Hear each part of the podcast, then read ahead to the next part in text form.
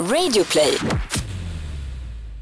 Jag tror att vi satt och snackade om liksom, det här ämnet och sen så bara kläckte jag ur med det. Jag sa bara, jag är bisexuell.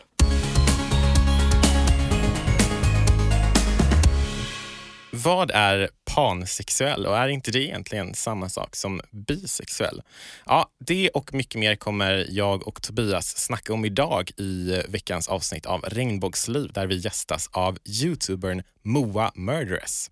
Men först, hur mår du idag Tobias? Jo, jag mår jättemycket bättre nu när jag får vara här med dig i eh, Sveriges största hbtq-podd. Jag har ju varit lite krasslig innan, lite täppt, så att eh, det känns eh, mycket bättre nu. Ja, men det har jag också varit. Jag är fortfarande febrig och i morse så var det lite oklart om vi ens skulle kunna köra den här eh, inspelningen. Jag var ju liksom superfebrig men eh, med lite uppiggande ord från dig och lite Ipren så sitter jag här och eh, det känns bra.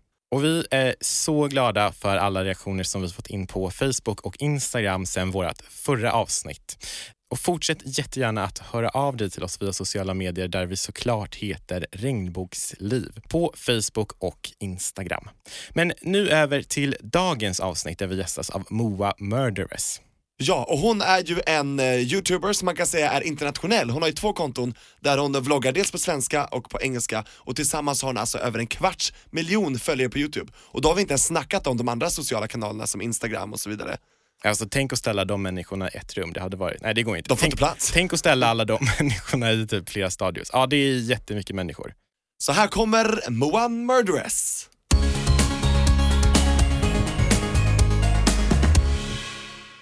Hej Moa! Hej! Hur mår du? Jag mår jättebra, jag är jättetaggad. Ja, är det här din första podd som du gästar? Det är min första podd. Wow. Tack för att vi får ta din eh, poddoskuld. Ja. Och du väljer att gästa oss, vi är så glada för det. Regnbågsliv. Har du lyssnat på andra poddar? eh, och Kanske våran? ja, jag är ingen sån som lyssnar på poddar egentligen, men jag har lyssnat på några avsnitt av er podd. Den är verkligen jätte, jättebra. Tack, får man fråga vilka? Eh, jag, jag har lyssnat på Daniel H och sen så hon som hade gjort ett könsbyte men ångrat sig. Vanessa Lopez. Vanessa Lopez, ja precis. Åh, Jätteintressant och spännande verkligen. åh, tack så mycket. Jag kör Moa och gå in i appen Radio Play och lyssna på våra tidigare avsnitt. Men vi är så glada att du är med i det här avsnittet Moa. Ja, tack för att jag fick komma. Jag tänkte börja med att fråga, för du är ju youtuber. Hur ser en vanlig vecka ut i ditt liv? Nu ser ju mina veckor lite annorlunda ut i och med att jag har börjat jobba på hunddagis istället för med Youtube på heltid. Eh, jag har jobbat med Youtube på heltid i tre år, tror jag att det var. Men eh, jag kom in i en så här svacka i livet. Bara, vad ska jag göra med mitt liv? Fick så här ångest. Så jag eh, har börjat jobba på hunddagis. Så jag jobbar på 75 procent, vilket är ungefär 30-31 timmar i veckan. Och eh, det är jätte, jättekul. Jag älskar det. Det är typ drömjobbet. Så kör jag liksom Youtube vid sidan om. Jag brukar filma när jag kommer hem eller på helger och sånt. Och så sitter jag och redigerar under dagarna när jag har tid. Och du kallas ju för Moa Murderess. Mm. Varför då? Det är faktiskt ett, eh, man kan ju kalla det som internetnamn som jag skaffade när jag var typ 14-15. För på den tiden hade jag en klädstil som hette scenecore och då var det så här populärt att man skulle ja, men byta ut sitt efternamn till ett internetnamn eh, som då skulle vara på engelska. Det antingen skulle vara så här sött och gulligt eller så skulle det vara lite så här hårt och mörkt. Så eh, jag slog upp M i engelska ordboken och hittade murderess och bara ja, det där låter bra. Ah. Moa mördarinna. Ja, på svenska låter det ju jättetöntigt men Jag tycker du är så cool och jag älskar din eh, Youtube-kanal. åh tack. Moa, när kände du att du inte var helt hetero för första gången? Jag tror att eh, jag var nog 12 eller 13 år. Eller alltså, när, när man var yngre så har jag liksom aldrig förstått det. Jag har alltid tyckt att tjejer var fina och allt sånt där. Alltså både tjejer och killar. Eh, men man har ju aldrig liksom förstått vad det innebär förrän ja, men jag kom upp i högstadiet. Då kom en av mina killkompisar ut som homosexuell. Och eh, då började jag också fundera på, jaha, men vad är jag för något då om jag tycker om båda? För att jag kände ju ändå någon slags dragning till tjejer också.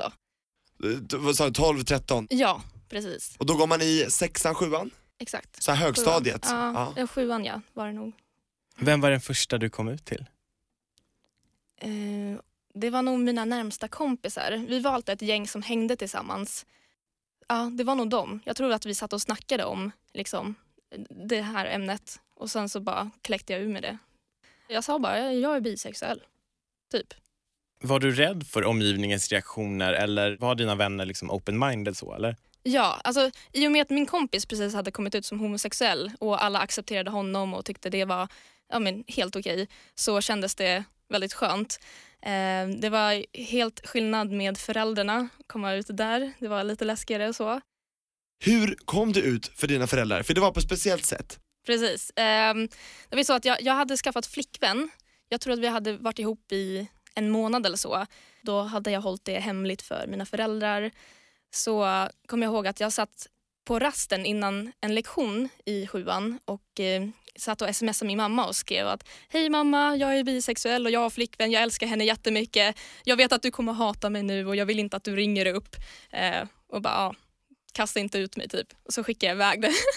Vad gjorde hon då? Hon ringde upp såklart. Då, då satt jag på lektionen så jag, jag la på. Men sen så fick jag ett sms där hon skrev ja, men jag bryr mig inte så länge du är lycklig och jag ser jättefram emot att få träffa henne någon dag och så. Bästa svaret. Ja. För vad trodde du att hon skulle svara? Jag trodde att hon skulle bli jättearg och tycka jag var äcklig och typ kasta ut mig. Och man har ju hört sådana där historier tyvärr. Men hade du fått några indikationer på det under tiden alltså, du har vuxit upp med henne? Har hon sagt någonting nedlåtande om hbtq-personer eller? Nej, aldrig. Eh, och hon har alltid sagt, varit noga med att säga till mig att jag kan prata med henne om precis vad som helst. Så jag kände att det var, det var skönt att komma ut till henne. Så du hade liksom en bra komma ut experience med dina vänner Mm. och med eh, din familj. Mm. Har du fått några negativa konsekvenser av din, eh, eller baserat på, på din läggning? Ja, jag tror nog nästan att de flesta har det, tyvärr. Eh, jag har ett exempel som... Jag kommer inte riktigt ihåg hur jag kom ut eh, inför klassen, men jag tror att det var så att jag hade med mig min flickvän en dag i skolan och hon fick vara med under en dag och så satt vi och pussades och höll handen och så. Men eh, efter att jag liksom kommit ut för klassen då var det väldigt mycket så här på idrotten. När vi bytte om i omklädningsrummet så var några tjejer bara ah, men Moa du får inte byta om här för att det, det är äckligt, du kommer att bli kär i oss och du blir säkert kåt på oss och bla bla bla. Pågick det här länge eller? Eh, mest i början. Sen förstod de väl att de hade fel. Att du inte skulle liksom bli kära i dem? Eller? Ja. ja precis. Inte sitter jag och liksom stirrar på dem bara för att jag är... Liksom, jag tänder inte på alla tjejer och killar eller vad de nu definierar sig som. Liksom. Plus att du hade ju flickvän. Ja, dessutom. Det är så konstig och tyvärr vanlig reaktion. Eh, också när man diskuterar med, med många tycker jag mig få, få den reaktionen liksom att ja men vadå hbtq-personer, ja men absolut, det är fine så länge de inte tänder på mig. Och man Mm. bara, don't flatter yourself. Alltså, Smickra inte dig själv. Ja gud det är så typiskt. typ så här, folk som är rädda för att gå på gayklubbar för de är rädda att folk ska, ska typ ta på dem och typ springa efter dem. Man bara, gud. så lätt är det inte. Nej, Nej verkligen inte. De har inte fattat någonting. De får lyssna mer på Regnbågsdriv känner jag. precis.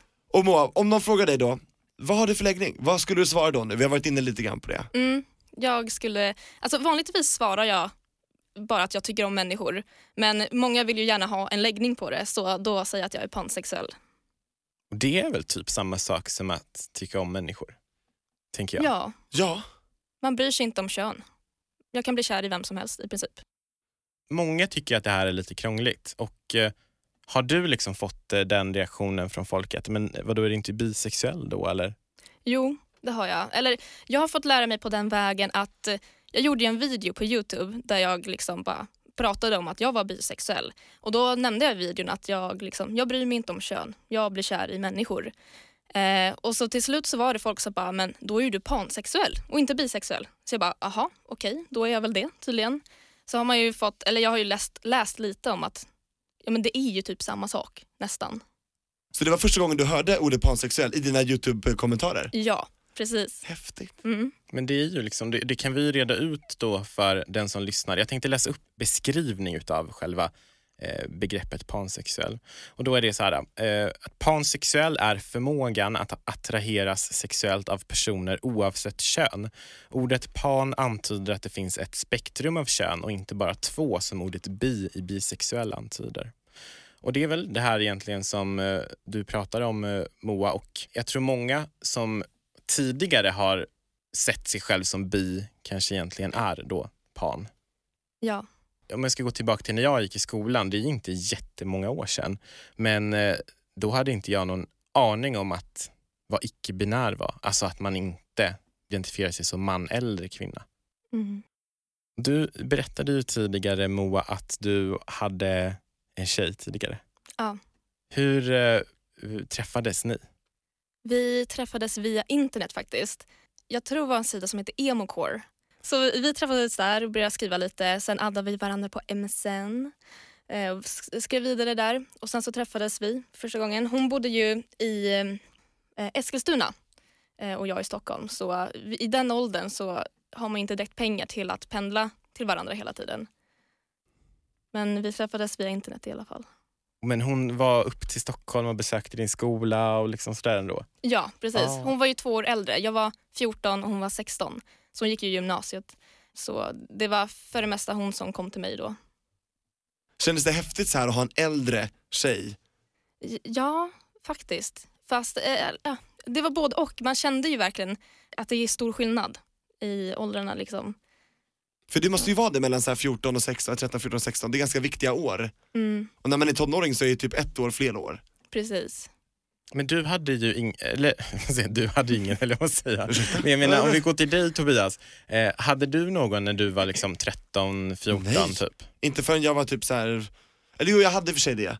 Men det var så här jätteoskyldigt. Hon var otrogen, Nej, men. visste ingenting. Nej men var hon det? Ja, Åh. Nej, men... Skulle du säga att du hade en trygg klass? Kände du att det var liksom en trygg skolgång? Så? Ja, det måste jag väl ändå säga. Det tror jag. Jag kommer inte ihåg att jag har känt mig otrygg i alla fall.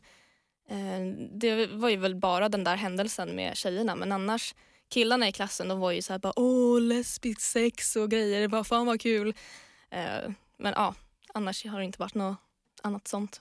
Den här killkompisen som eh, kom ut eh, innan dig, hur tog omgivningen hans eh, komma ut-process?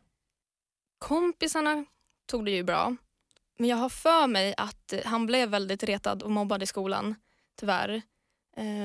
Det känns nästan som att det är olika för en kille att komma ut som gay än en tjej. För då är det mer så här, när tjejer är då bara åh, vad spännande. Men när en kille bara åh, vad äckligt. Tyvärr. Det känns typ som att folk ser det som typ feminint att vara, liksom, att en kille är en anläggning. och att varför det, skulle allt feminint vara dåligt? ja, det är men, det de säger. ja, ja, precis. precis. Ja. Jag håller med. Jag hoppas att vi kommer ifrån det här snart för det känns väldigt tröttsamt och otroligt omodernt. Det handlar om att för, förtrycka människor, jag tycker det är hemskt. Strukturer och skit. Usch. Brukar du gå ut någonting på eh, alltså, regnbågsklubbar eller hbtq-klubbar? eller? Jag har faktiskt inte gjort det så jättemycket men på somrarna blir det några gånger åtminstone. Jag har faktiskt väldigt många heterokompisar som älskar att gå på gayklubb. Det är oftast mycket fol- mer folk som dansar och det är bara härlig stämning tycker jag. Det, är typ, det känns inte, alltså man kan vara sig själv. Så. Vad är favoritstället? Oj, jag vet faktiskt inte vad det heter. Vet du var det ligger? ihåg. Nej, jag har bara hängt på. Eller hur, som man gör. ja, alltid. Men hur ser en vanlig utekväll ut när du eh, går ut? Jag är mer en sån som gillar att eh, gå på pubbar och krogar. Eh, helst rockbarer typ. Så bara sätta sig ner med kompisar, ta en öl och bara snacka. Härligt. Ja, brukar du gå på Stockholm Pride undrar jag då? Ja, varje år. Alltid. Åh! Är du där hela veckan eller paraden också? Eller? Nej, jag, jag brukar för det mesta bara gå på paraden. Eh, min morsa vill faktiskt med och gå på vad heter det, festivalområdet. Ja, i parken? Eller, ja, precis. Just det, vi var i parken förra året. Var vi faktiskt. Det Åh, vad kul. jättekul. Det var jag och morsan och några kompisar så vi gick runt där och kollade lite, lyssnade på musik, köpte saker. Paraden är ju verkligen höjdpunkten. Ja, Så gud, mycket ja. kärlek, alltså det är helt sjukt. Verkligen. När var första gången du var med i eh, Pride-paraden? Oj, jag måste ha varit 15 tror jag. Ja, men 15, 16. Jag har ju bloggat eh, sedan många år tillbaka och eh, då var jag medlem i en eh, bloggportal heter det, eh, som heter My Showroom. Jag vet inte om de finns kvar men de ordnade ett stort flak i alla fall som vi var på och dansade och hade det kul. Så jag älskar flak, då slipper man ju gå. Ja, Lat som Precis. jag är, men det är underbart med flak. ja, Musik och... Mm. Ja, jag längtar till Pride, det ska bli så kul. Ja, vi Mm. hoppas ju på att vi kan ha ett flak kanske Anton, eller med Radio Play, att vi har ett Ja. flak tillsammans alla poddar Ja. här och då får du komma. Jag vill jättegärna komma. Vi kan ha livepodd på flaket. Ja. Kanske lite för ambitiöst. Men jag tänker där, på tal om eh, pride och att vara stolt, eh, liksom, har du blivit en profil, ansiktet utåt för pansexualitet? Jag vet faktiskt inte. Inte vad jag kan tänka mig. Det är ingen som har sagt så eller så. Men folk tycker det är kul att jag är öppen med min sexualitet och att jag jag har inte pratat så jättemycket om det. Det var nog mer förr. Eh, nu är det liksom bara mer öppet. Om någon frågar bara, men vem är du kär i eller vill du dejta någon? Då säger jag bara, men jag, det spelar ingen roll vem jag dejtar och bla bla bla. Typ. Mig veteligen, liksom, av om man kollar så här, offentliga personer så vet jag om dig och Clara Henry som liksom har berättat om just det, här- pratade om det här begreppet pan. Så det är ju ganska, det är inte någonting som man kanske har hört jättemycket om. Vi har fått in ett lyssnarbrev.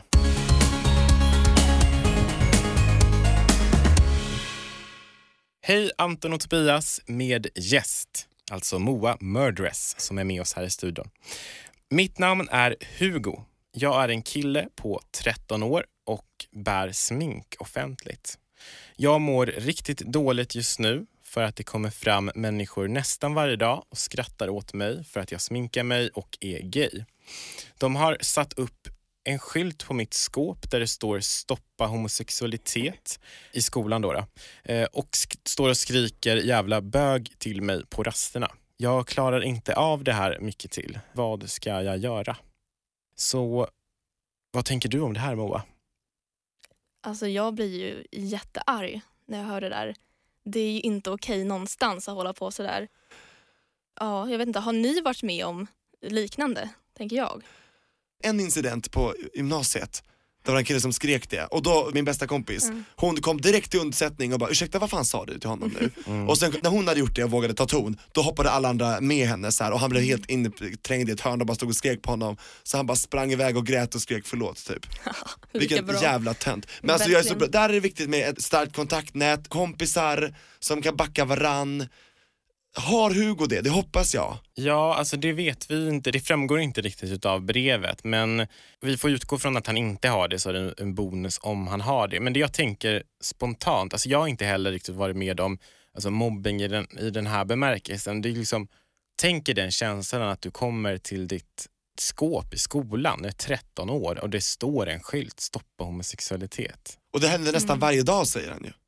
Ja, alltså det är helt sjukt. Det första rådet jag skulle säga är bara att det här är liksom hur det än känns så är det här liksom, det är väl till och med ett brott. Alltså det, Det här är hatbrott. Ja, ja.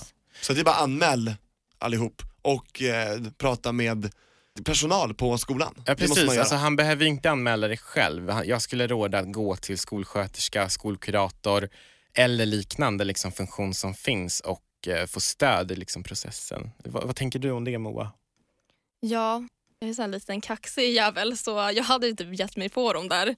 Jag tillbaka. Men alltså, först och främst alltså, försöka att inte ta åt sig. Det är så jävla mycket skit.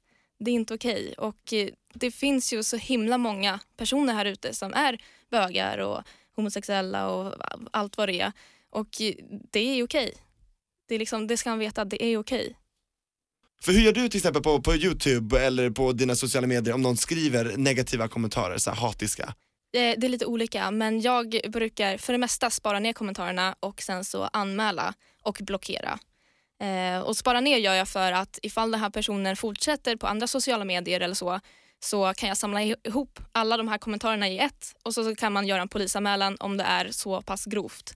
Så det är alltid smart att spara allt. Ja, det är ett tips Hugo. Spara allt som de har skrivit. Och spara skylten. Ja, det är bevismaterial ifall man ska göra en anmälan sen. Har du behövt göra det någon gång? En polisanmälan? Ja. det har jag gjort många gånger. Det var ju en kille i 13-årsåldern som hade skrivit till mig jättemycket eh, i somras som jag samlade ihop och tog med till polisen. Och Det var ju liksom såna här som att jag ska döda dig, jag ska våldta dig. Och det var verkligen så här, så hade han sett mig på bussen någon gång och han visste var jag bodde. Så det var ju verkligen så här stalker, en liten pojke som har stalkat mig. Så det tog jag till polisen och eh, de spårade upp honom, gjorde en anmälan. Men eftersom han var minderårig så blev det ju liksom inget straff eller så utan det var mer, ja men hej, här är vi från polisen, det här är inte okej. han fick väl hem någon brev eller någonting. Så här, sluta med det, ja men typ, som att det ska hjälpa. eller hur?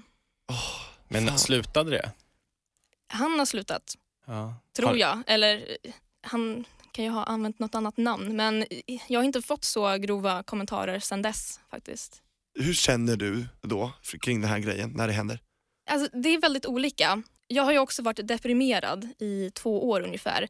Så vissa dagar och månader och sånt har jag liksom tagit åt mig jättemycket. Medan andra så är det verkligen, man bara borstar bort det. Bara, "V- vem är du liksom? Men eh, ja, det är väldigt olika faktiskt. Och har du då folk som du kan vända dig till då, som vi pratade lite här om eh, Hugo behöver, så här, stöd? Ja, absolut. Kompisar, föräldrar. Så viktigt. Ja, det är jätteskönt att ha.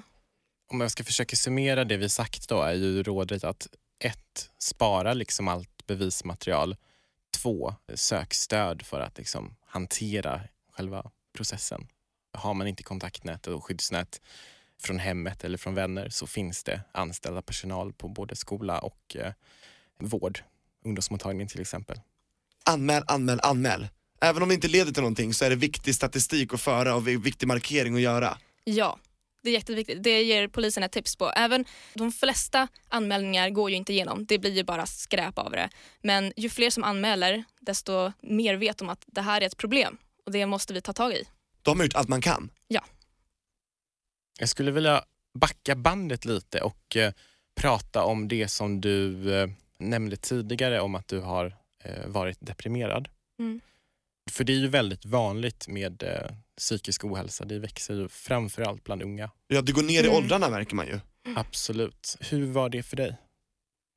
Det har varit jättetufft. Jag vet liksom inte exakt hur långt jag har haft det men det började så här strax innan jag flyttade till London.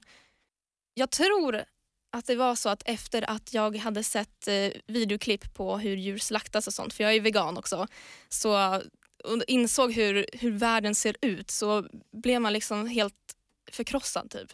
Det kändes inte som att det fanns någonting bra med att leva. Och sen så har det liksom bara brett på sig.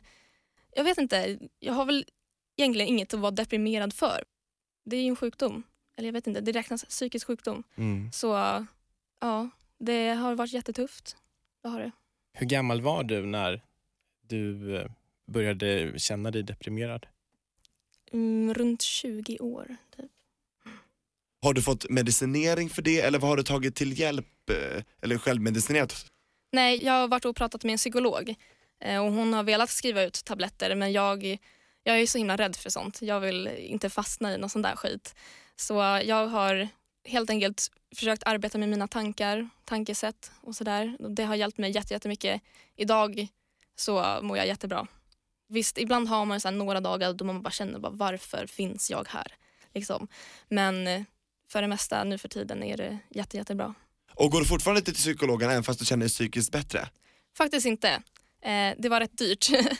Så jag sparar in de pengarna just nu. Men jag har ju fortfarande eh, materialet till att eh, vända tankar till positivt och sådär. Gud vad starkt, för det är inte alla som kan det. Vissa förlitar sig på medicin och som du sa, man vet inte vad de innehåller och Ja, det biverkningar. beror på vad det är för... Ja exakt, det beror på vad det är för mediciner men det kan vara biverkningar så att jag fattar din grej, jag är också rädd för piller. Mm. Jag tar inte ens Ipren om man är sjuk utan jag bara nej låt min kropp härda ut, jag vill klara det här. För jag vågar inte. Nej, alltså, jag, jag är likadan. Jag tar bara Ipren om det verkligen är riktigt illa. Ja. Vad skulle du ge för eh, tips eller råd till 20-åriga Moa? Oj. Om jag hade kunnat prata med mig själv så hade jag sagt att eh, det blir bättre. Det kommer bli bättre. Alltså när man är på botten där då känns det verkligen som att det går inte mer. Det, jag kommer aldrig bli glad igen. Det är, liksom, det är så här man mår. Och eh, för mig så fanns det egentligen bara en utväg och det var att dö. Men jag vet inte. Det var familj och vänner höll mig tillbaka tror jag. Försökte du någon gång ta ditt liv? Nej, jag har faktiskt inte vågat gå så långt. Alltså jag, det är det som är så lite så här, dubbelmoral. För att jag, jag är typ jätterädd för att dö. Men samtidigt så vill jag dö. Men ja, det är lite konstigt. Ja men typ, verkligen. Och om vi backar bandet ännu lite till då. vad skulle du ge för råd till 12-13-åriga Moa? Oj. Det, det var en väldigt svår fråga. Eller som precis har börjat upptäcka sin sexualitet där ju. Ja. Jag hade, alltså jag hade inte så mycket problem på den tiden så det är väl helt enkelt att eh, ja, men våga vara mig själv. Eller det har jag ju alltid varit men att våga följa drömmar. Follow your dreams. Ja. Så fint. Och då undrar man nu, om vi kollar framåt i tiden, Mm. vad har du för drömmar kvar som du vill uppnå? Var är du på väg? Vart är jag på väg? Det är det man inte vet. Eh, nej, som sagt, jag har ju haft den här svackan nu senaste tiden där jag bara shit, jag vet inte vad jag vill. Vill jag fortsätta med Youtube? Vill jag göra det här och det här? Nu, jag har ju en liten framtidsplan i alla fall och eh, det jag ska jobba mindre på hunddagiset eh, nu till sommaren och sen så ska jag starta en webbshop igen. Så det är planerna just nu. Vad kul, och där kommer Mm. du sälja lite merchandise? Ja, lite merch och sen så annat kläder som jag köper in och smycken och sånt. Och lite den stilen du har nu? Ja, Lite, precis. Så här, alternativ klädstil. Jag tycker det finns alldeles för få sådana butiker. Jag tror jag kommer gå bra. Anton kommer köpa. det. Ja. Yes! Följ dina drömmar och eh, sluta inte med Youtube. Tack. Ja, kör på så länge du orkar och vill. Ja, absolut. Tusen tack Moa Murderess för att du gästade Regnbågsliv idag. Tack. Och eh, till dig som lyssnar så vill vi påminna om att du lyssnar ju bäst på Regnbågsliv i appen Radio Play. Och angående Radio Play så vill vi också passa på att tipsa om UFO-podden. I den podden så blandas lyssnarupplevelser med fakta om rymdens enorma okända värld. Det är ett hett tips. Väldigt spännande lyssning. Tack för att du lyssnade på oss så hörs vi igen nästa vecka. Tusen tack. Hej då! Hej då! Hej då!